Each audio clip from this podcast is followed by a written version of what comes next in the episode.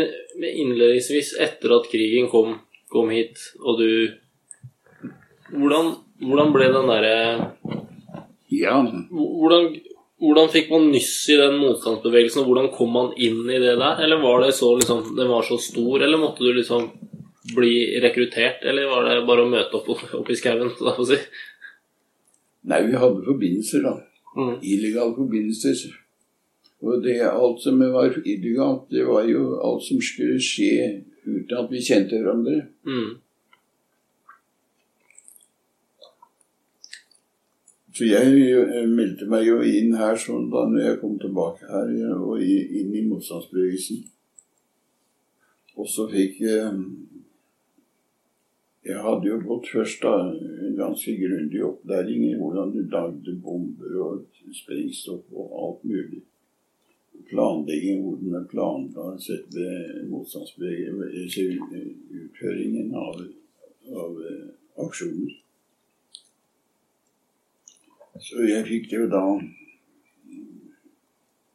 områder i Vestfold og, og, og nedover i, og rundt Oslo hvor jeg kunne operere.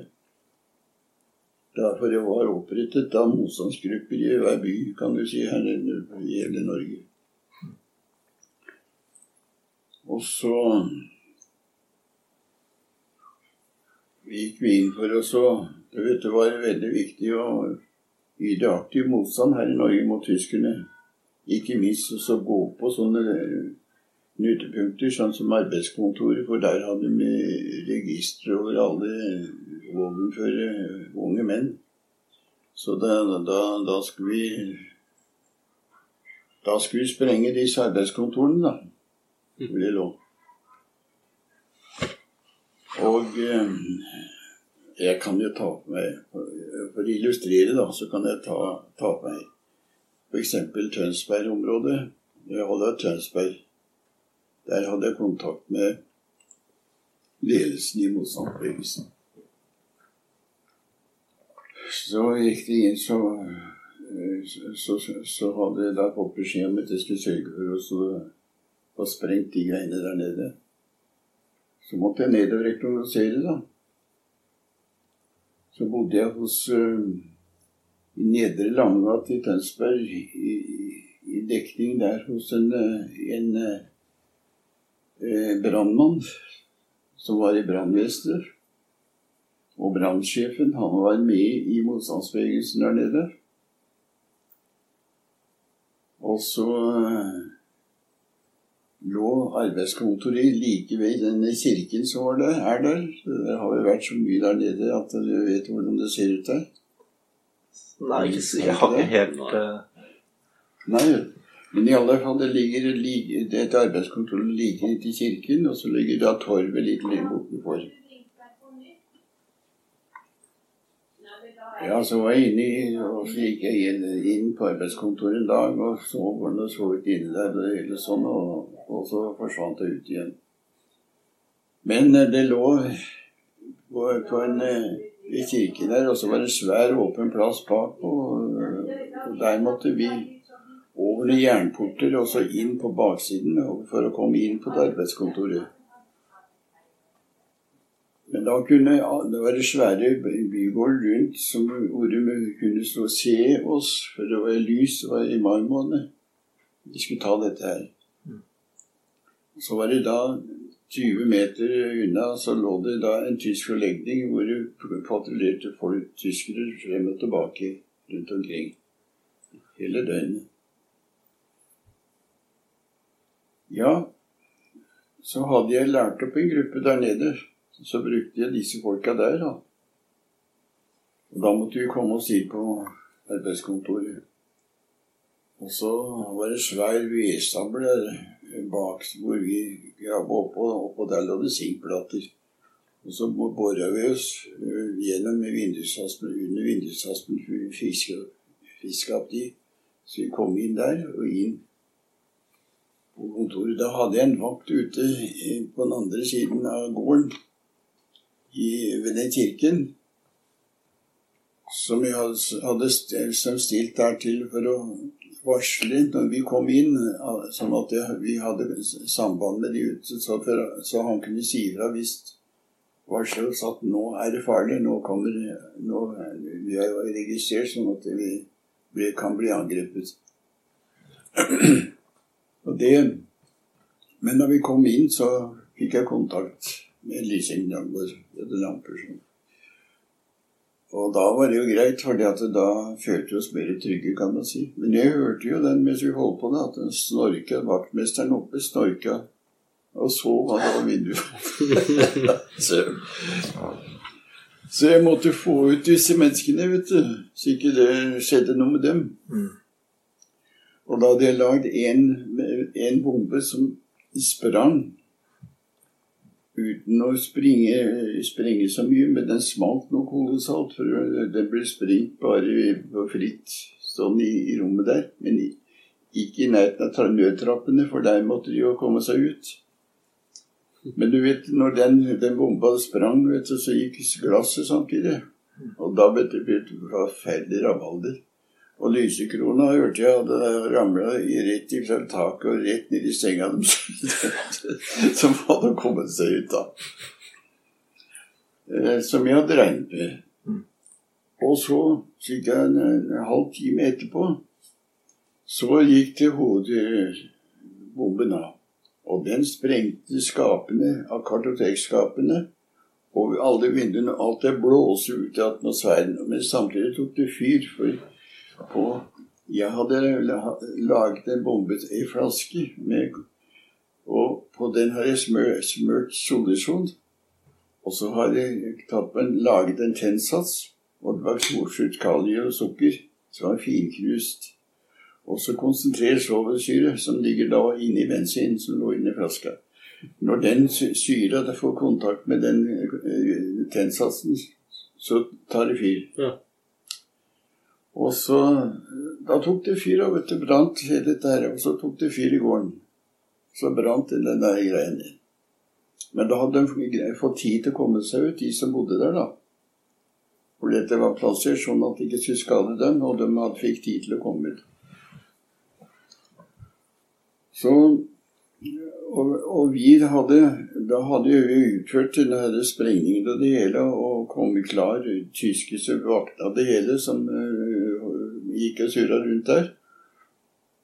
Og vi sykla da ute. Hadde en mann som da ikke hørte til noen gruppe eller noe som helst. Han skulle bare kjøre foran som speider med, på sykkel. Med, og hvis han hvis vi ble stoppet av kontroll på veien, så skulle han bare gi signal bakover. Mm. For da hadde vi begynt å spredd oss inn i skogen der. Så vi kjørte sykla da tilbake eh, til, til eh, eh, Horn stasjon. Og der gjemte vi syklene da, til, eh, til det åpna på stasjonen der. Og så kjøpte vi da eh, billetter til Oslo. Og så få med reisegods. Reisegods var syklene over det vi hadde. Så kom vi unna til på den måten. da. Det var akkurat den aksjonen. Utrolig. Og når var dette eh, året? Det, når dere tok ut den, eh, det kontoret? Ja, det var eh, ja, Nå har ikke jeg sittet her, men dette her var jo like Det var under krigen, da. Ja. Like etter. For det ble jo tatt ut ja, i alle byer. Eller var det noen byer det ikke ble Ja, det var jo det, men eh, det er en av de jeg tok, da. Ja. Vi tok jo flere. Vi tok jo masse forskjellige ting. utover livet, da. Hva var, liksom, hva var det prioriteringen? Var det sånn Det var, ja, det var veldig viktig, for du vet at der de hadde myndighetene, myndighetene, tyskerne, de tok bare sørge for å ta de folka de trengte dem, vet du, fra norske med sivilbefolkningen, og satte dem på eh, militære oppgaver. Så det var jo om å få ødelagt disse arkivene som ikke fikk oversikt på. det. Mm. Men også det, hvordan, hvordan ble oppgavene, f.eks. aksjonene du var med på, hvordan det ble, ble det prioritert? Var det noe du fikk ovenfra, eller var det noe du tok initiativ til Jeg fikk, det var, eh, vi hadde en Asbjørn Sunde, han var jo motstandsmann. Mm. Han var jo Vi hadde kontakt med de. Jeg fikk henvist til en av de andre miljøgruppene, for jeg ble inn i aktiv styrke. Da ble jeg henvist til han. Og han var den som sa vi, uh, Han het Knut. Dekknavnet Knut. Fikk jeg kontakt med. Og jeg sa jeg vil gjerne komme inn i aktive styrker som uh, så får gjort noe positivt. Aktivt noe, ikke bare gå her og, og trene. Ja, skal du være med i mine styrker sånn, så må du regne med å miste livhanken. Men vi skal ikke drive politikk. Vi skal kun drive militære oppgaver. Så, og det passet meg veldig fint. det. For det var ja, de militære oppgavene jeg var interessert i. Ikke noen form for politikk. Og da ble det, det var han som ga beskjed om hva vi skulle ta av forskjellige ting. Mm. Så vi eh, føyk rundt omkring og sprengte og sto i. Hvor har dere holdt til i Oslo mens dere holdt på med disse aksjonene? Vi hadde deksteder hos sånne folk som da er mer eller mindre knyttet til, eh, til eh, Som var jøssinger, for å si det sånn. Mm. Og der var det frivillige norske som tok imot oss. Og da, men vi sa ikke at vi var sabotører, det kunne vi ikke si. Vi sa vi var studenter som var efterskytt av tyske studenter. Jeg så, det at, eh, jeg så en dokumentar om Sønsteby. Ja, Og så Han sa det at det- de, man utviklet en sånn egen sjette sans Ja. for å, å ikke bli tatt, da, hvor tyskerne var og sånn. Kjenner du deg igjen i det? ja da, yes da. Eh, Du vet at eh, det var sånn at eh, vi hadde jo sånne hemmelige tegn nå, da. At hvis vi kontakten vi hadde så kunne de sette ut eh, sto i en blomsterpott i vinduet med en sånn blomst på, spesiell blomst, så Da var det klart. Men hvis det ikke sto noe der, så da måtte du ikke gå inn der. Da hadde det enten tyskere satt der og passa og skulle ta, ta oss, eller så Så det var farlig for oss. å da- Så vi, så ha øye overalt. Mm. Og vi, når vi gikk inn for å spise Jeg husker Jeg kom ned til Tønsberg. Og så satt jeg og satt alltid sånn med en avis og øh, bordet så jeg kunne sitte og følge med alt som skjedde rundt, men satt også samtidig sånn at rettighetsmulighetene var til stede. Sånn at Rett, rett. Rettighet. ja, ja, du kan stikke av. Ja, ja, jeg hadde alltid pistol under armen i en taske her. det gikk bevæpnet, ja. Ja, jeg gikk jo alltid bevæpnet. Ja. Og var lettvint å få tak i. Og da satt jeg der, og, og så var det en del ungdommer som satt på et bord like ved deg. Og, og så prata de med, så hørte jeg navnene deres og alt mulig sånn, vet du. Og hva de gjorde, og litt av hvert sånn. Og de så jo ikke meg, for jeg satt bak den avisen. Så jeg bare Men automatisk, det, dette var ting jeg var vant til, og så følge med alt som skjedde rundt en. Og så var det det, kom jeg gående eh, en kveld Jeg holdt på å lære folk der nede også. Så går jeg nede i Langgate ved kinoen, så får jeg se, plutselig se to av de jentene der. Du vet, jeg var jo så ung ja, den gangen at jeg skulle ha litt moro. Nei, nå tenkte jeg nå skal jeg ha litt moro på dem. Så fikk jeg se dem, så ser jeg, går jeg bort til dem og sier Nei, god dag, eller Anne og Kari, sier jeg. Det var da så Så kikker ut han, da, du.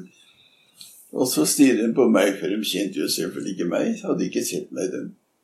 Ja. ja, det vil ikke si det at de ikke vil kjenne meg igjen, vel, sier jeg. Jo. Nei, nei, ja, ja. Jeg har hørt om en som heter Anardo, sier jeg. Ja, er du Anardo? nei, jeg er ikke Anardo, så.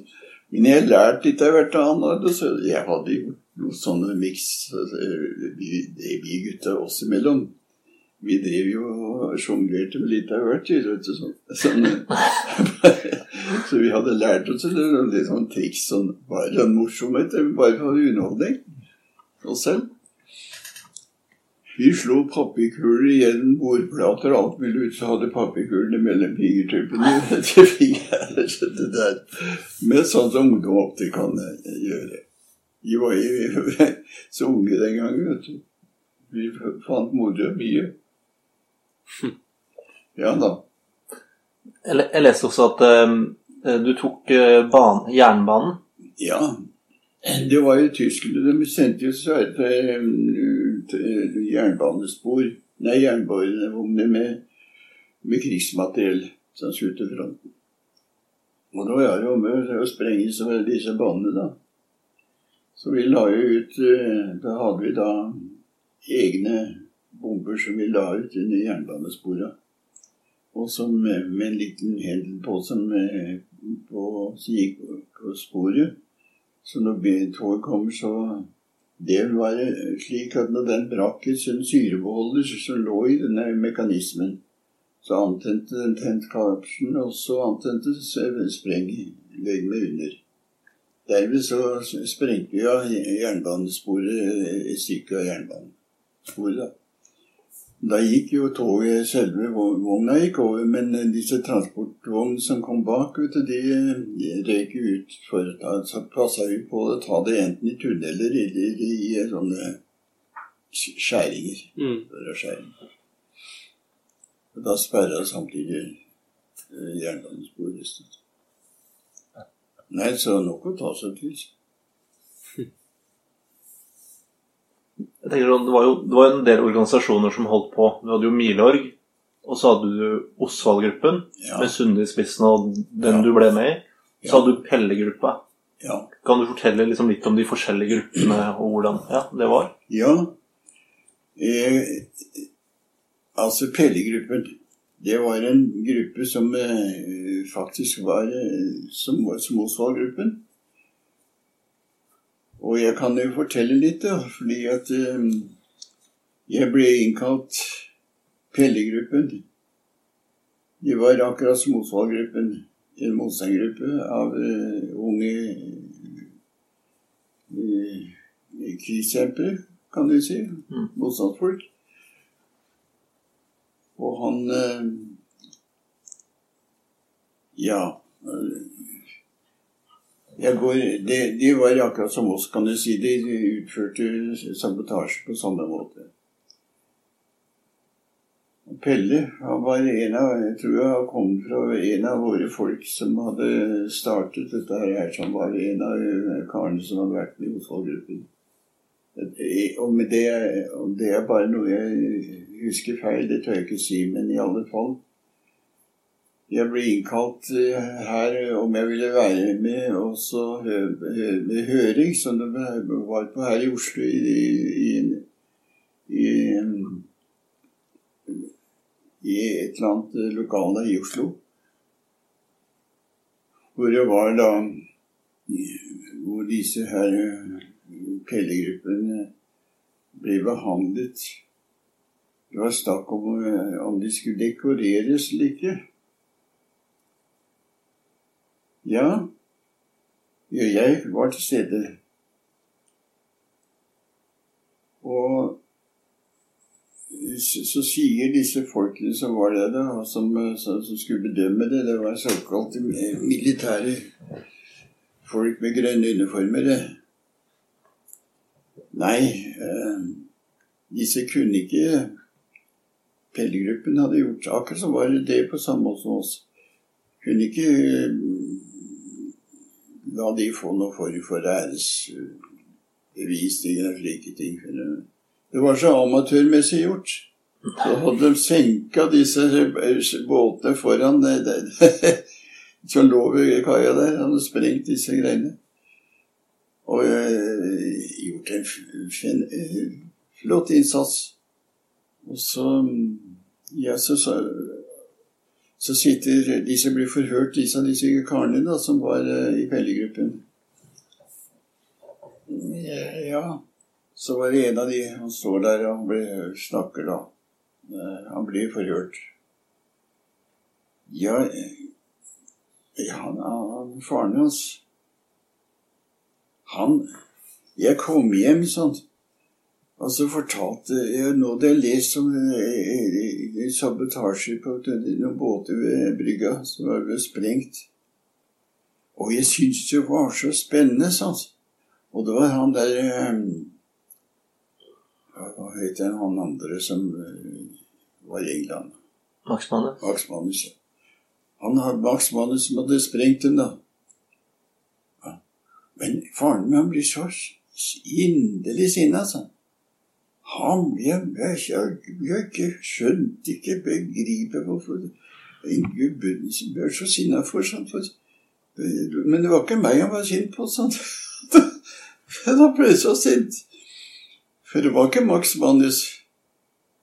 Det var jo faren til han eh, karen vi snakker om nå, Mm. som har ledet sprengningen der. Og så er det andre som eh, hadde tatt æren for det, da. Mm. Og så mm, Nei da, de kunne ikke la disse pellegruppene få noe form for eh, æresbevisning. Men så reiste jeg meg opp, ja, så, så jeg ba mor så at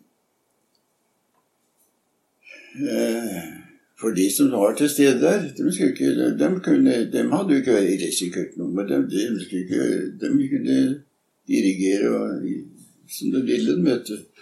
Nei, så sa jeg til disse karene som vi har her, det er kremen av ungdommen vi hadde her i Norge, det. Så, og de, de snakker mye at det var amatørmessig gjort. Hva er det for noe tullprat? Eh, disse karene de, de, de, de er krav på disse. Krav på en skikkelig oppreisning. Mm. Så det, det er ikke noe snakk om i det hele tatt. Så jeg, jeg, jeg, og jeg sa han ut til den der, så jeg tok ikke noe hensyn der. Til disse tullingene som ikke selv så ikke hadde gjort en tøddel. Noen ting. Nei, jeg ble opprørt over det. Sånn som Ja, det- jeg ble veldig opprørt over det. At Ja, uansett om du Ok, at den er, den er kanskje en kommunistisk eh, inns- altså ledet, men sånn som du, da, som var med ja, pga. at du ville gjøre noe for Norge, ja. at ikke du får den æres... eh, At du får den medaljen du skal ha, krigskorset. Det syns, jeg syns det er bare Det er tragisk at det blir så politisk. Det det er politikk i alt, vet du. Det er, og der er det så mye rare folk. Der, og det er helst sånne som ikke selv har gjort noe, Mm. som sitter der og dirrer. Men det er tusenvis av hundretusenvis av folk der ute altså, som oss som Ja. liksom syns uh, Vet at dere fortjener det. Og det, er på en måte, det må du vite at det er liksom Selv om noen politikere er litt høl i huet, så er det liksom folket som Men det, jeg, jeg for min del syns jeg, jeg, jeg er ikke misfornøyd med noen ting. Jeg, altså, jeg har fått veldig mye oppmerksomhet. Ja, så, så så, og jeg har hatt egne møter med forsvarssjefer og det hele. Ja. Og fått, uh, fått uh, sølvfat med instruksjon på det der. sånn. Mm. Ja, ja. Det, men det er jo ikke fordi sånne ting Vel, nå var det Det er Jeg vil si det at øh, norsk ungdom var øh, De som var på rette siden, der var det mye fine, flott ungdom. Mm. Veldig mye fin ungdom. Og som satt livet sitt på Satset livet sitt på innsats. Mm. Og vi mista jo mye folk etter hvert. Men det går, det går sånn eh, måned etter måned, vet du, midt iblant tyskere, og det er livsfare overalt du setter deg inn. Så da hadde jeg med meg mye sprengstoff og saker og ting på den dagen. Så også. Jeg gikk inn på tog, så jeg så jeg etter eh, kupeer hvor det var satt mye tyskere. For de var blide og hyggelige og hjelpsomme. De, de, de setter seg inn eh, Sitter og hjørne i veggen, da, så bare hold øya oppe.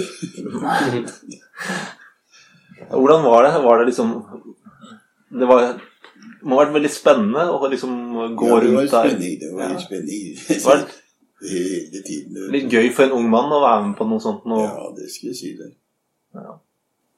Men opplevde du at tyskerne var veldig mistenksomme mot unge norske menn som liksom var i krigeralder? Ja, ja da. Det var, det var ikke noe, det var ikke noe dumskaller. Jeg husker en gang det var Jeg får fortelle en liten sånn historie da hvor jeg ble omrikt av tyskere. Jeg satt ved Hvis du ser ned ved Farrisvannet ved Larvik, så går du går langs øh, Farrisvannet til midt på vannet, og så, går, og så bryter du av 90 grader og går inn til venstre, inn i skogen der. Så kan du gå øh, en halvtimes tid. Så kommer frem til øh, Småvann og ei hytte. Og der holdt jeg på. Så hadde jeg ei hytte til ved siden av som jeg hadde instruksjon i. For disse gutta jeg lærte opp. Det var sabotører jeg holdt på å lære opp. Så sitter jeg og forbereder da med sånn ellevetiden på formiddagen. Forbereder da kveldens eh, opplegg, da.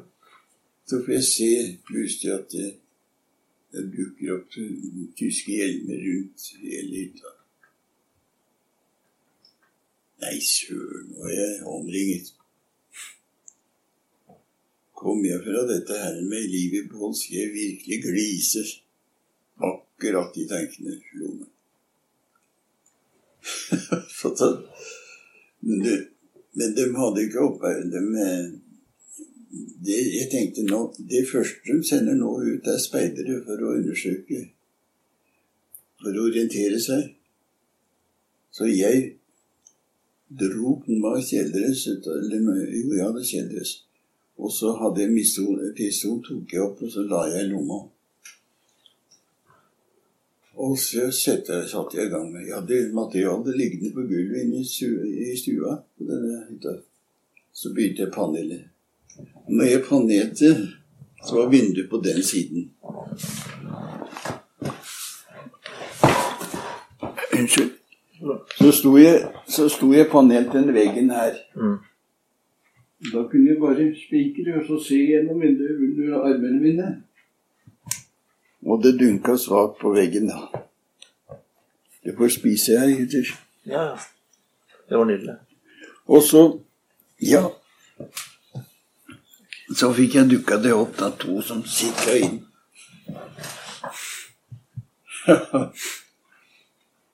og jeg plystra sang for meg sjøl. Og så kommer Ja, så etter hvert så kommer døra opp, og inn kommer disse to. Jeg spiller overrasket spør hva i all verden er dere skal oppi her gjøre, sa jeg. Nå var jeg ute og så seg litt rundt. da. Ja.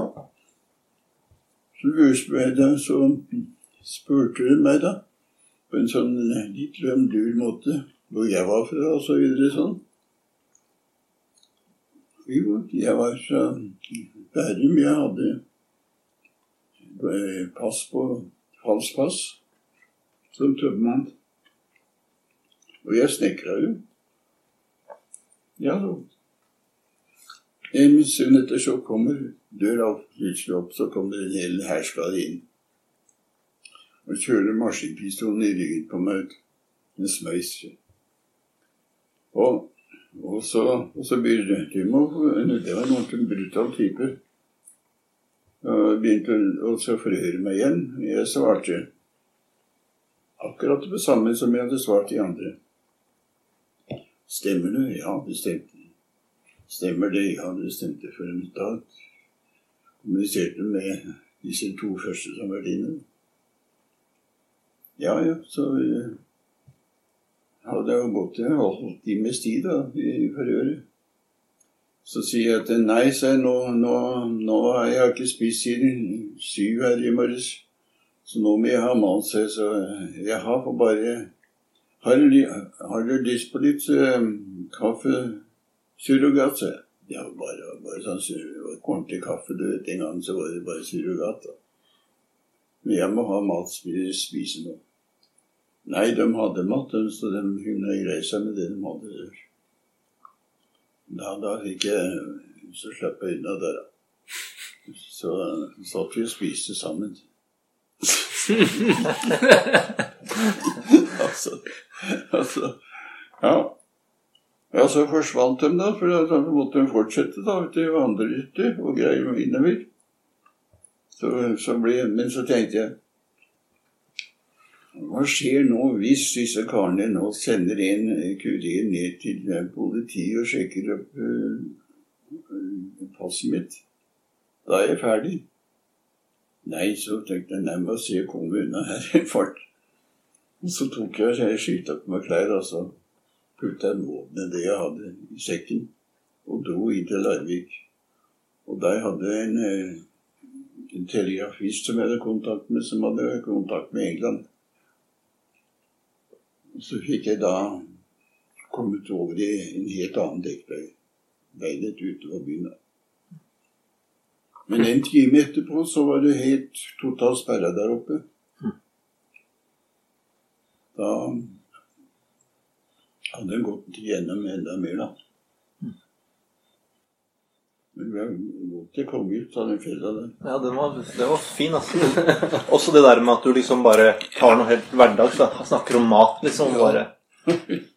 Det er veldig sånn vennlig Ja, avvæpner situasjonen. det er det. Men de forhørte deg i en time, var det det? Det var en halvtime siden. Var, var det noen gang over i England? Mm. Var du noen gang over i England, eller var det Norge og Sverige hele tiden? Ja, det var en av kameratene mine. Han, han, han var i England. Han kom så over til England. Men eh, vi andre jeg er fortsatt hjemme. Mm. Hvordan fikk du tak i sprengstoff? Ja, det stjal vi.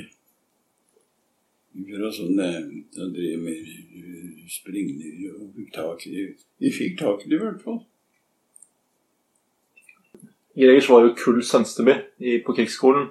Ja. Og så leste jeg at han var den som fikk deg over i den Osvald-gruppa. ja, det var vel de gruppene der. Det var eh, Ja, det stemmer at det var en ja, Men jeg husker ikke akkurat. Men eh, det var i hvert fall for de, på den siden den kom over. Og så rana du banker. Mm? Det sto, jeg leste at du ranet banker under krigen. Ja, vi hadde ikke penger nok. Hvordan kom den ideen? og Kan du fortelle litt om akkurat det? Ja, jeg fikk beskjed av Asbjørn Sunde at eh,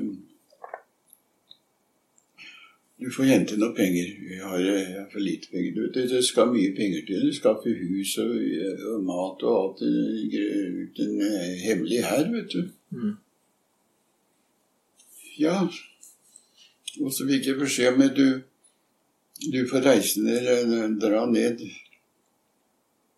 og, og, og, og hente penger i eh, nede i banken nede i Hvor var den? Ja, det var nede i Var det ikke Hokksund? Det var i hvert fall en bank der. Og da med uniform, da. Og så deg Du bare eh, kjører hjem til banksjefen og så forlanger at eh, du skal komme inn i banken for, på grunn av vi har fått beskjed om at det er, ligger illegale papirer i banken.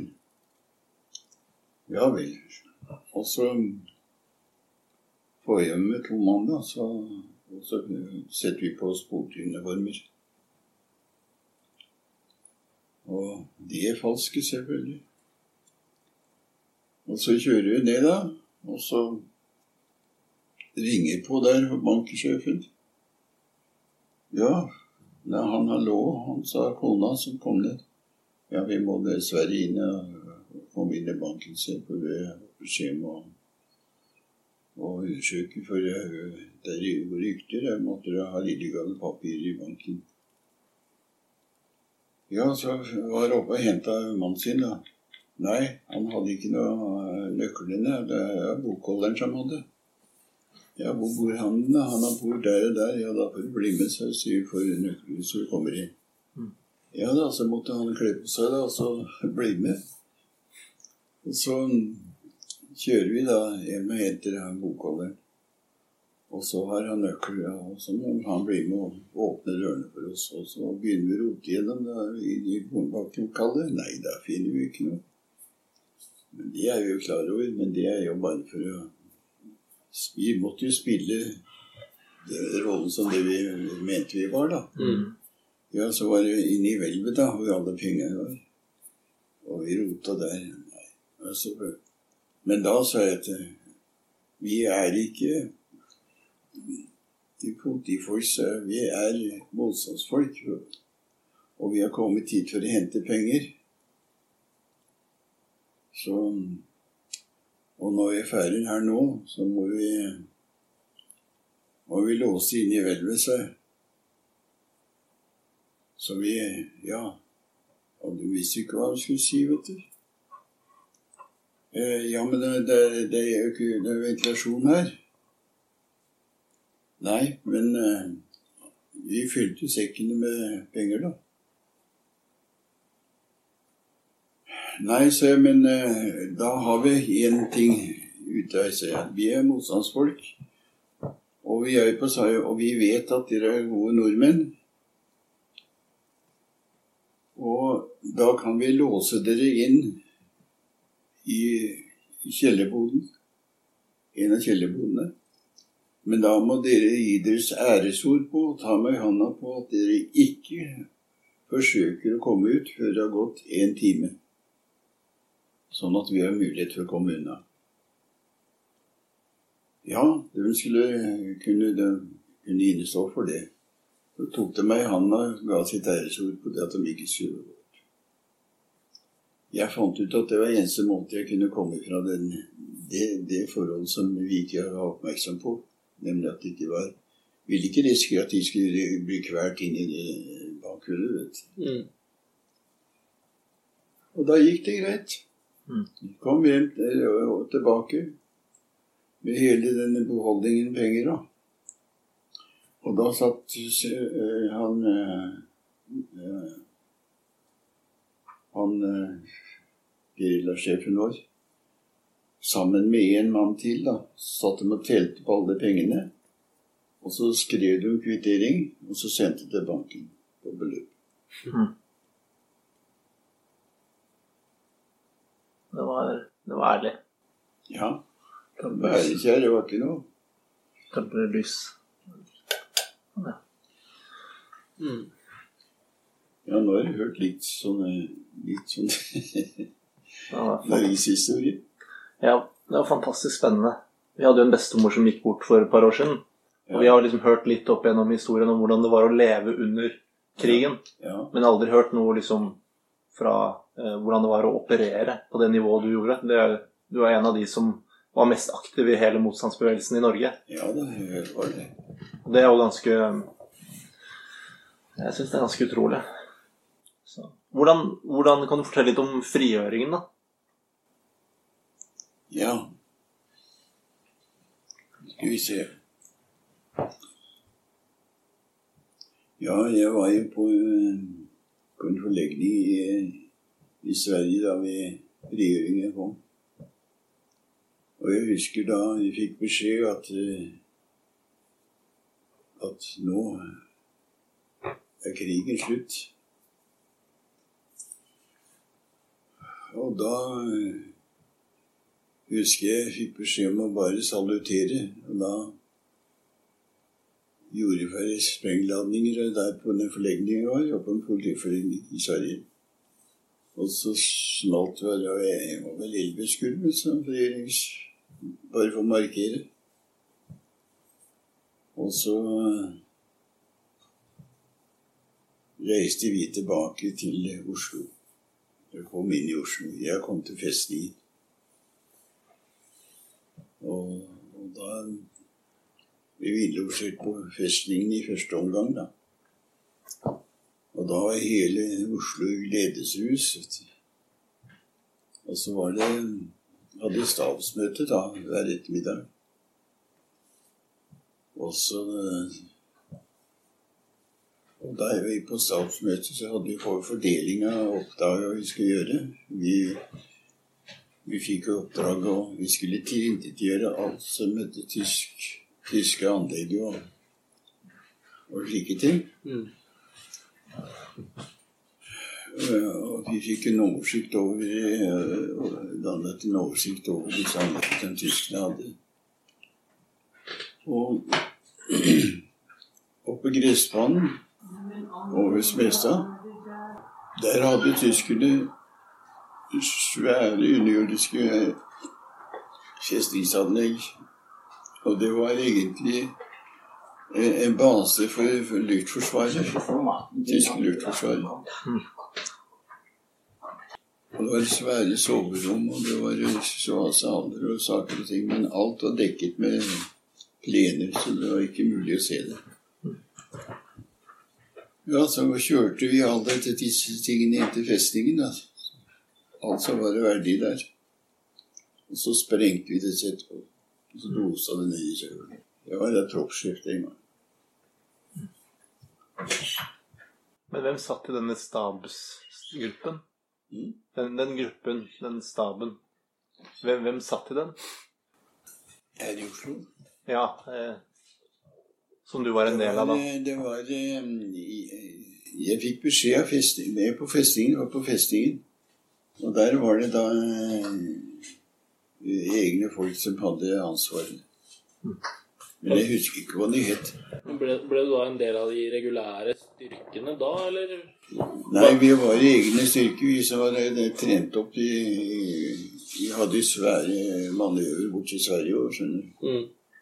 Og det var litt moro, fordi at når hele denne jevnede styrken, den norske avdelingen borte til Sverige, var på, på, på landeveien der med militærbiler og anleggssystem de, de, var mektige, kolossale mengder skjønner til sammen.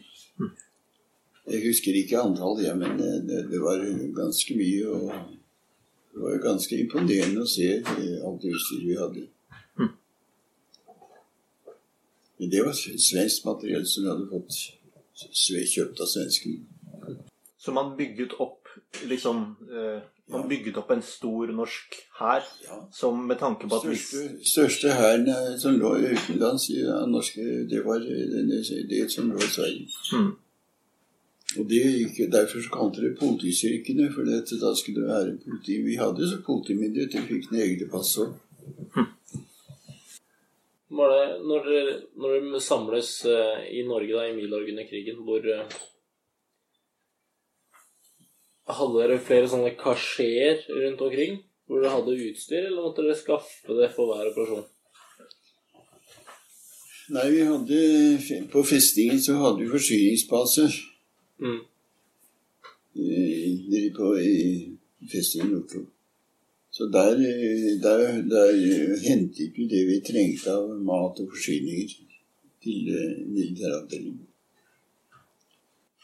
Var det sånn at når du gikk i Oslo, kunne du med en gang kjenne igjen en annen jøssing? En som var Ja, da. Det var Eh, Det var det. En gang fikk jeg beskjed Nå må du være spesielt oppmerksom på Tyskerne går Han, han, han hadde Han altså det jeg snakker om nå Han hadde eh, Han hadde egne forretninger i Oslo. Og så hadde far, eh, broren hans blitt arrestert. Og så gikk de Nå går det med han, sa han. Og da han er lenka til eh, sivile politifolk, altså eh, tyskere, som går sammen, så har han lenka til det. Men alle som, og så går andre eh, tyske eh, folk bak det igjen. Så alle som hilser på han som går lenka til det, den tyskeren, den blir arrestert. Du snakker om eh, lureri. Mm. Så vi eh, det, det, Da hadde vi et lokkemiddel rundt, da, vet du.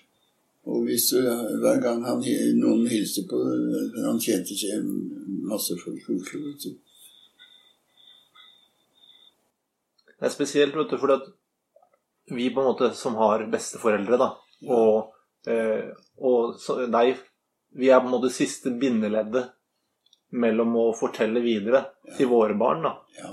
Så jeg føler at vi har et spesielt ansvar, da. Ja.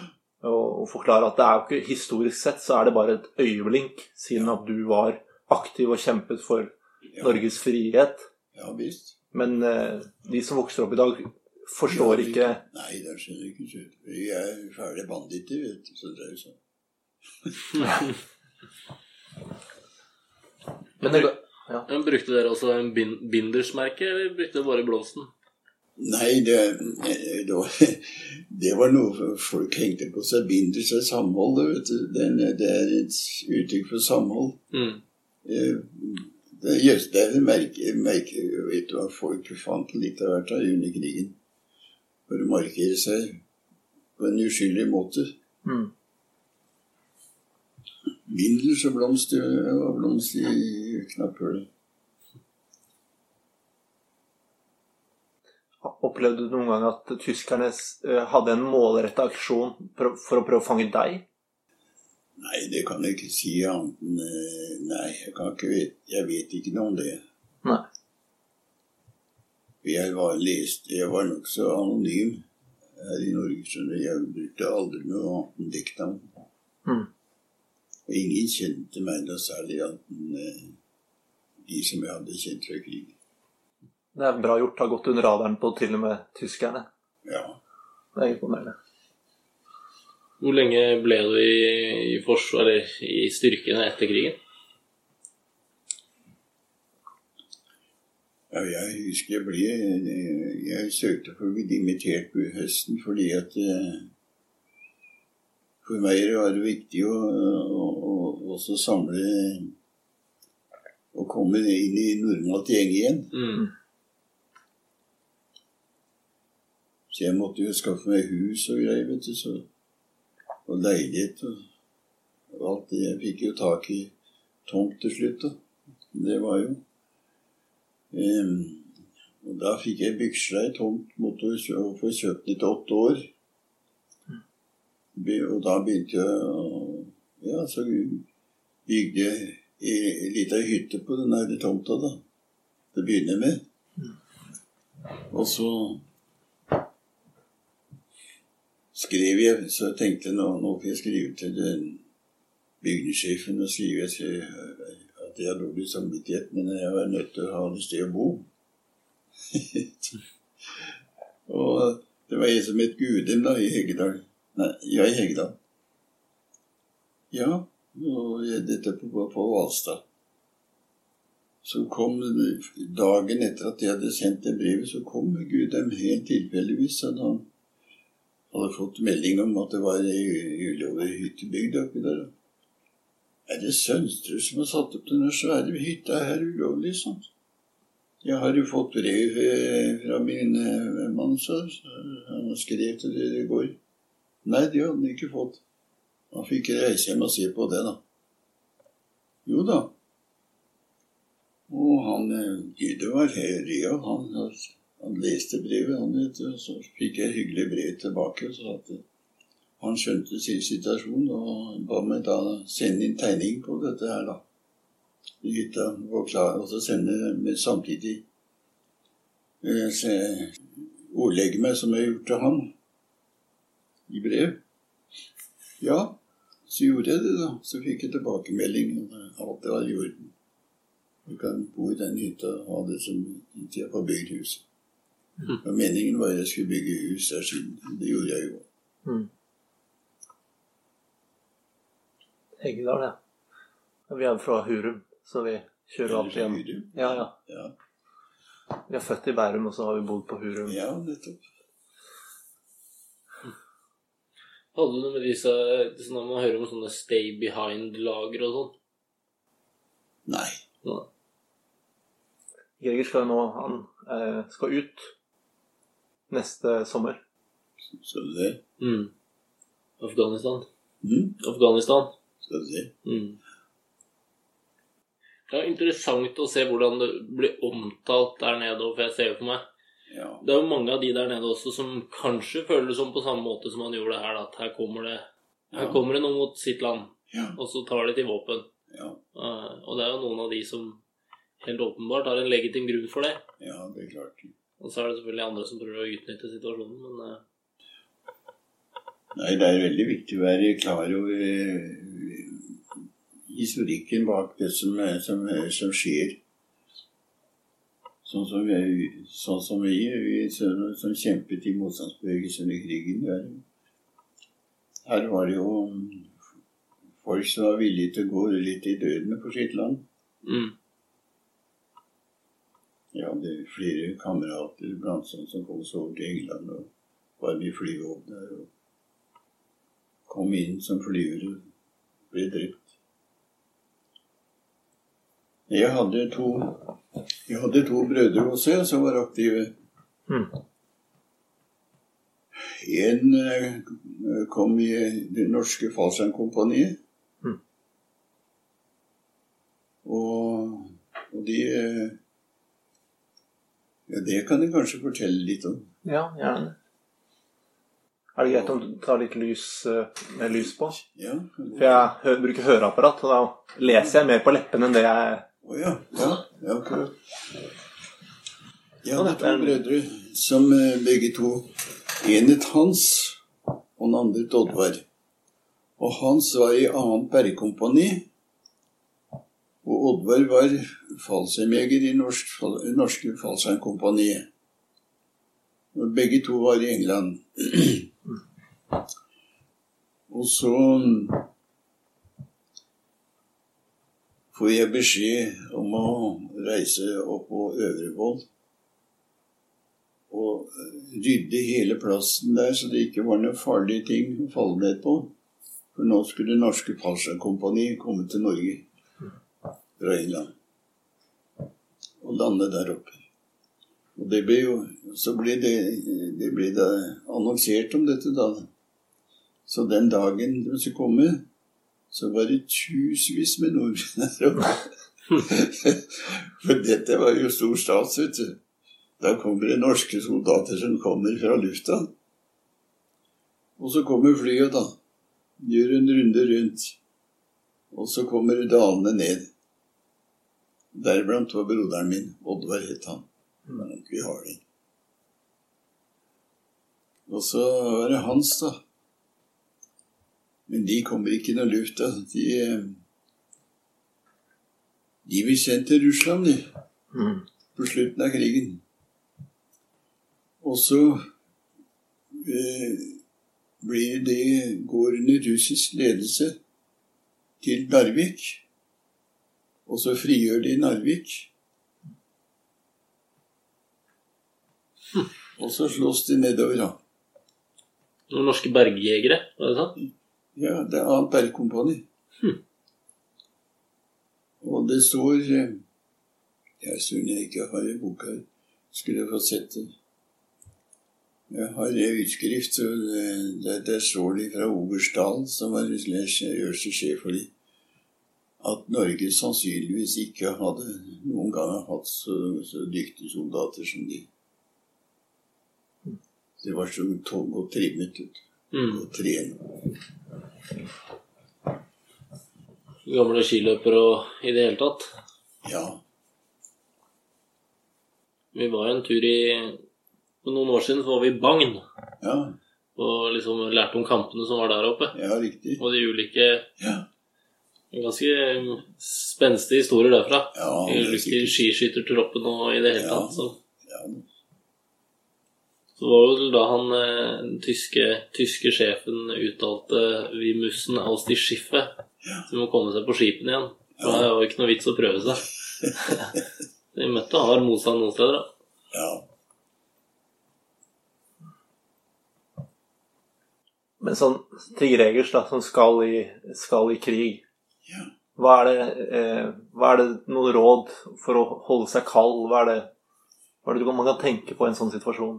Nei, det er for, for det første, når du har valgt militære løpevannet, så er det også fordi du er idealist på det området. Så du eh, Du får tenke på det at eh, dette du gjør nå, det gjør du for, for, ditt for landet ditt. Og, og, og du setter liksom en, Vær ekstra påpasselig på alt som du har mistanke om kan være farlig. Så Mm. du kan gardere deg der så godt som det er mulig. under de forhold du kommer opp i. Mm.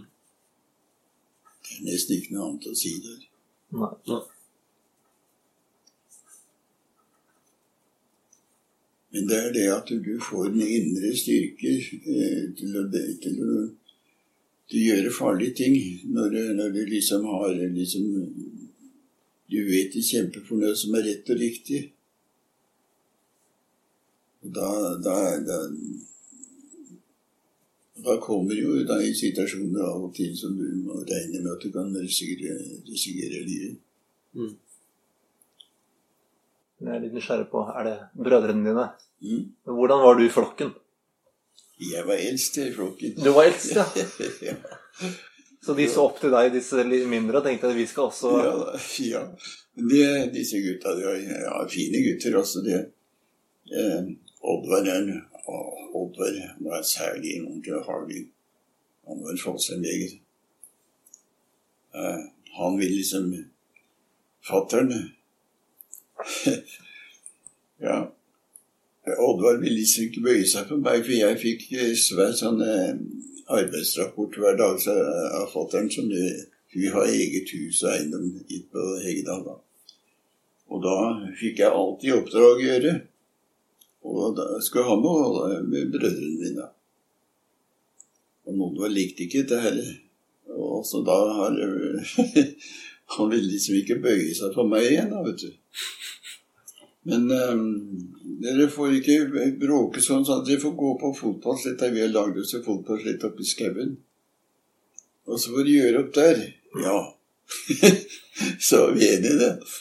Så dro vi opp der, da. Nå var uenige og Oddvar ikke vil bøye seg for meg, så var vi enige om det at vi, nå skulle vi slåss til vi eh, Men alt var tillatt, men bare ikke bite og sparke. Og så gøy vi på hverandre til vi har fått så mye juling begge to. Det var jo litt, det var, det var litt radikalt, da, men han sa det, fatter'n. Ja, det syntes vi var det Vi Vi gøy på hverandre. vet Vi var mørbanka.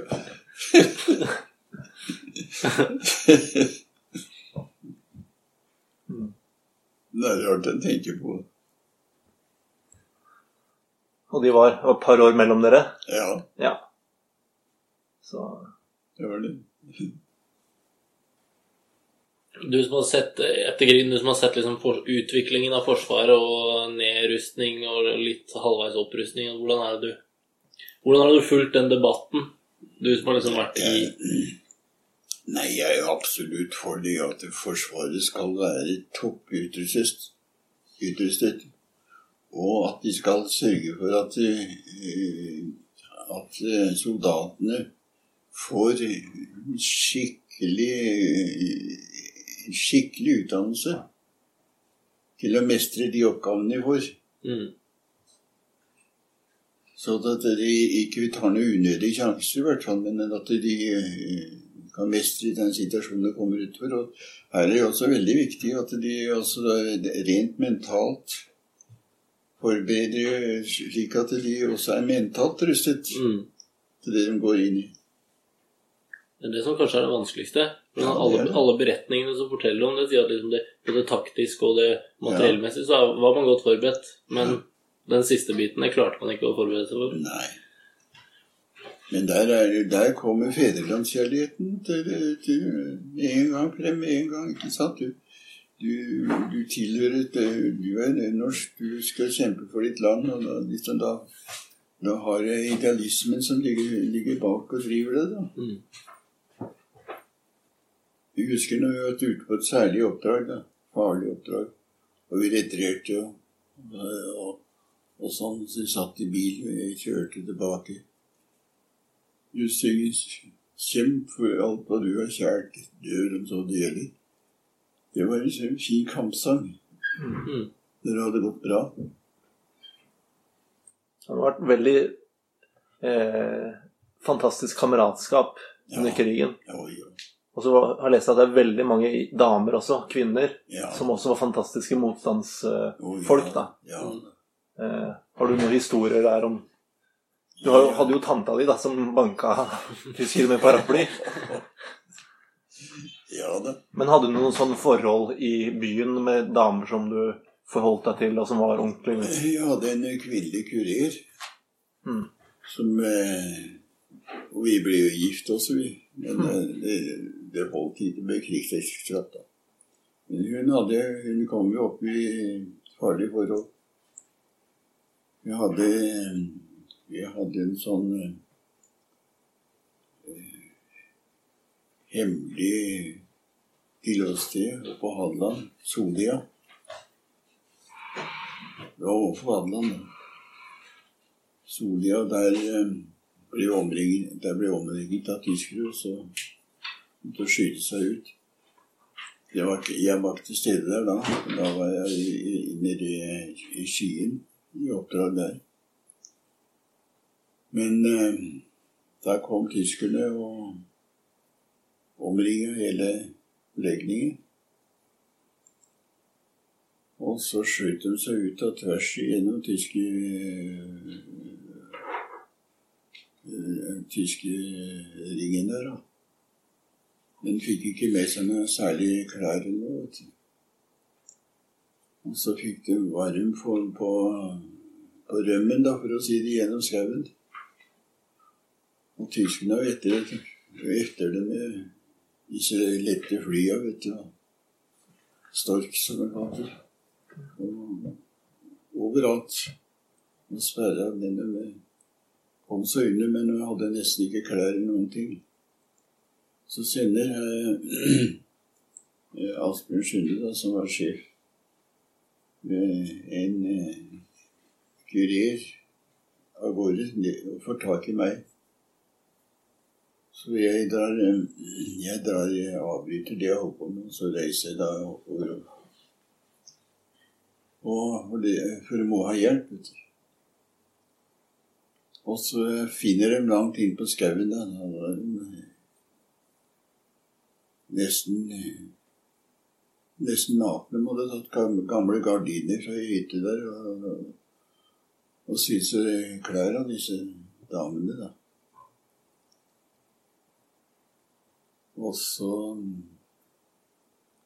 får jeg tak i ei hytte som, vi- som Sunde en gang her ute på Heggedal har vært med vært, vært i for å installere i sabotasjeutstyr. Så får jeg ordna med det, så de får komme dit. Men de hadde ikke vært der mange dagen før det kom razzia der også. Så forsyne med å sprenge seg ut igjen. Da skjøt de en, en, en tysker for å komme seg ut. Og så går det.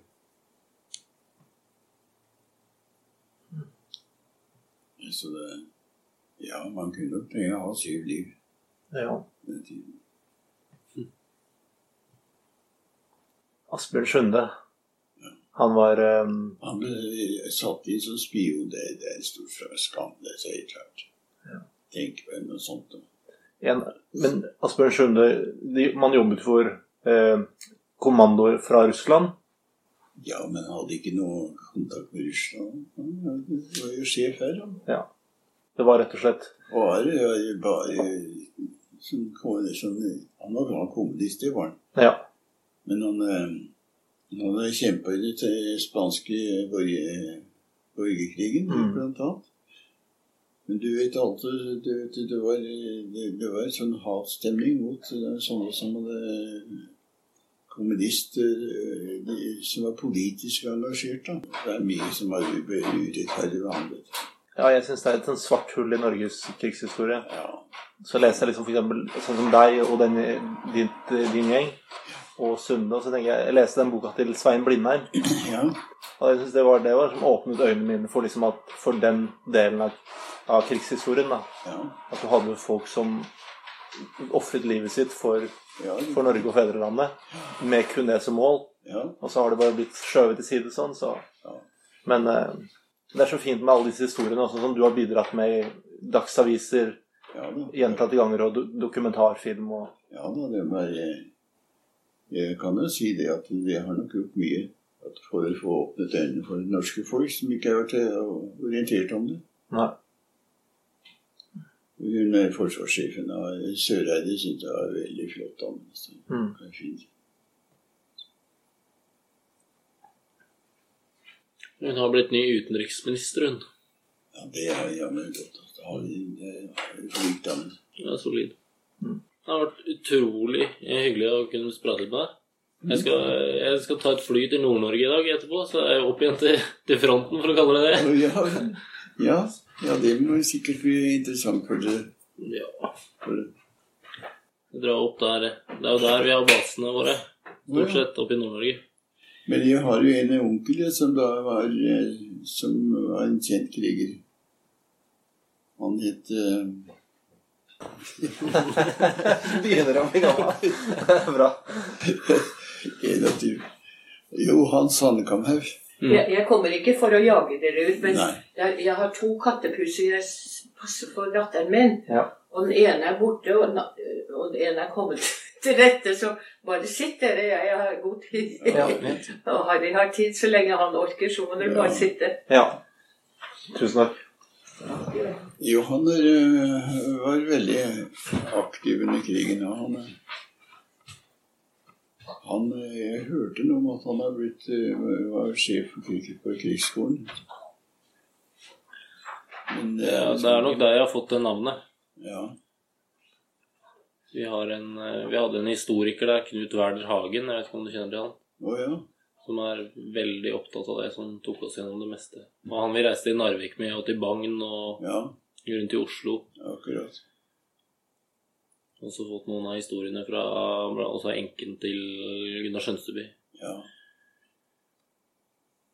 De tingene der. Men da, i Narvik, da fikk, eh, da fikk tyskerne litt motstand, ja. ja, da fikk de juling. Så det var egentlig til, litt sånn som vi fikk fortalt, det, litt tilfeldigheter når, når franskmennene og britene måtte trekke ut for å forsterke fronten i, Ja, i. Europa. Og hvis de ikke hadde gjort det, så, Ja. så hadde nok ikke tyskerne fått fotfeste der, nei. Nei. Nei, han eh, Jeg leste om eh, Jeg leste en sånn, en sånn historiebok hvor, hvor, jeg- hvor det var direkte referert til Hanne Kamhaug, som trakk pistolen og sa at hvis du da Den som nå trekker seg mer tilbake, den trekker seg tilbake, vil skyte. Så kommer en håndgranat gjennom lufta som tyskerne kaster. Så, for de får panikk, noen av disse nordmennene som er oppe. Så han er på vei flukt ned, og så stopper han der uh, Hannekam dem. da. Og han sier han vil skyte dem. Hvis han nå tenker seg tilbake, så griper den, den der raketten, den, den, håndgranaten som nå tyskerne har kasta, griper den i lufta, da, og så får kasta den tilbake. Og, da, og der, dermed så snur stemningen seg med en gang. Da, er det snudd. Da er det, da er det de, nettopp de som var på, øh, hadde fått panikk, de hadde fått mot. Hadde fått det, så det hjalp å slåss. Ja, så må jeg rekke et fly til nord. Så det er i dag. Ja. Jeg, jeg drar jo opp eh, Jeg kommer bare hjem iblant i helgene. Ja vel. Jeg er oppe, er oppe på Bardufoss. Ja vel. Der vi, vi var ute på, ute på øvelse nå i to uker. Det det, ja? Og da var jo den, kom en sånn storm inn. Ylva, den stormen. Ja. Så vi hadde jo oppimot 35 sekundmeter med vind. Ja. Og vi har jo noen ganske nye disse soldatene som kom inn i august. ja. De er jo ikke de mest erfarne. Nei, det er klart. Så da ble det Det ble litt å ta vare på der. Ja. ja. Det gjelder å passe på seg selv og se eh, sånn ute i felten, så det ikke blir liggende og fryse og bli gjennomvåt og sånn.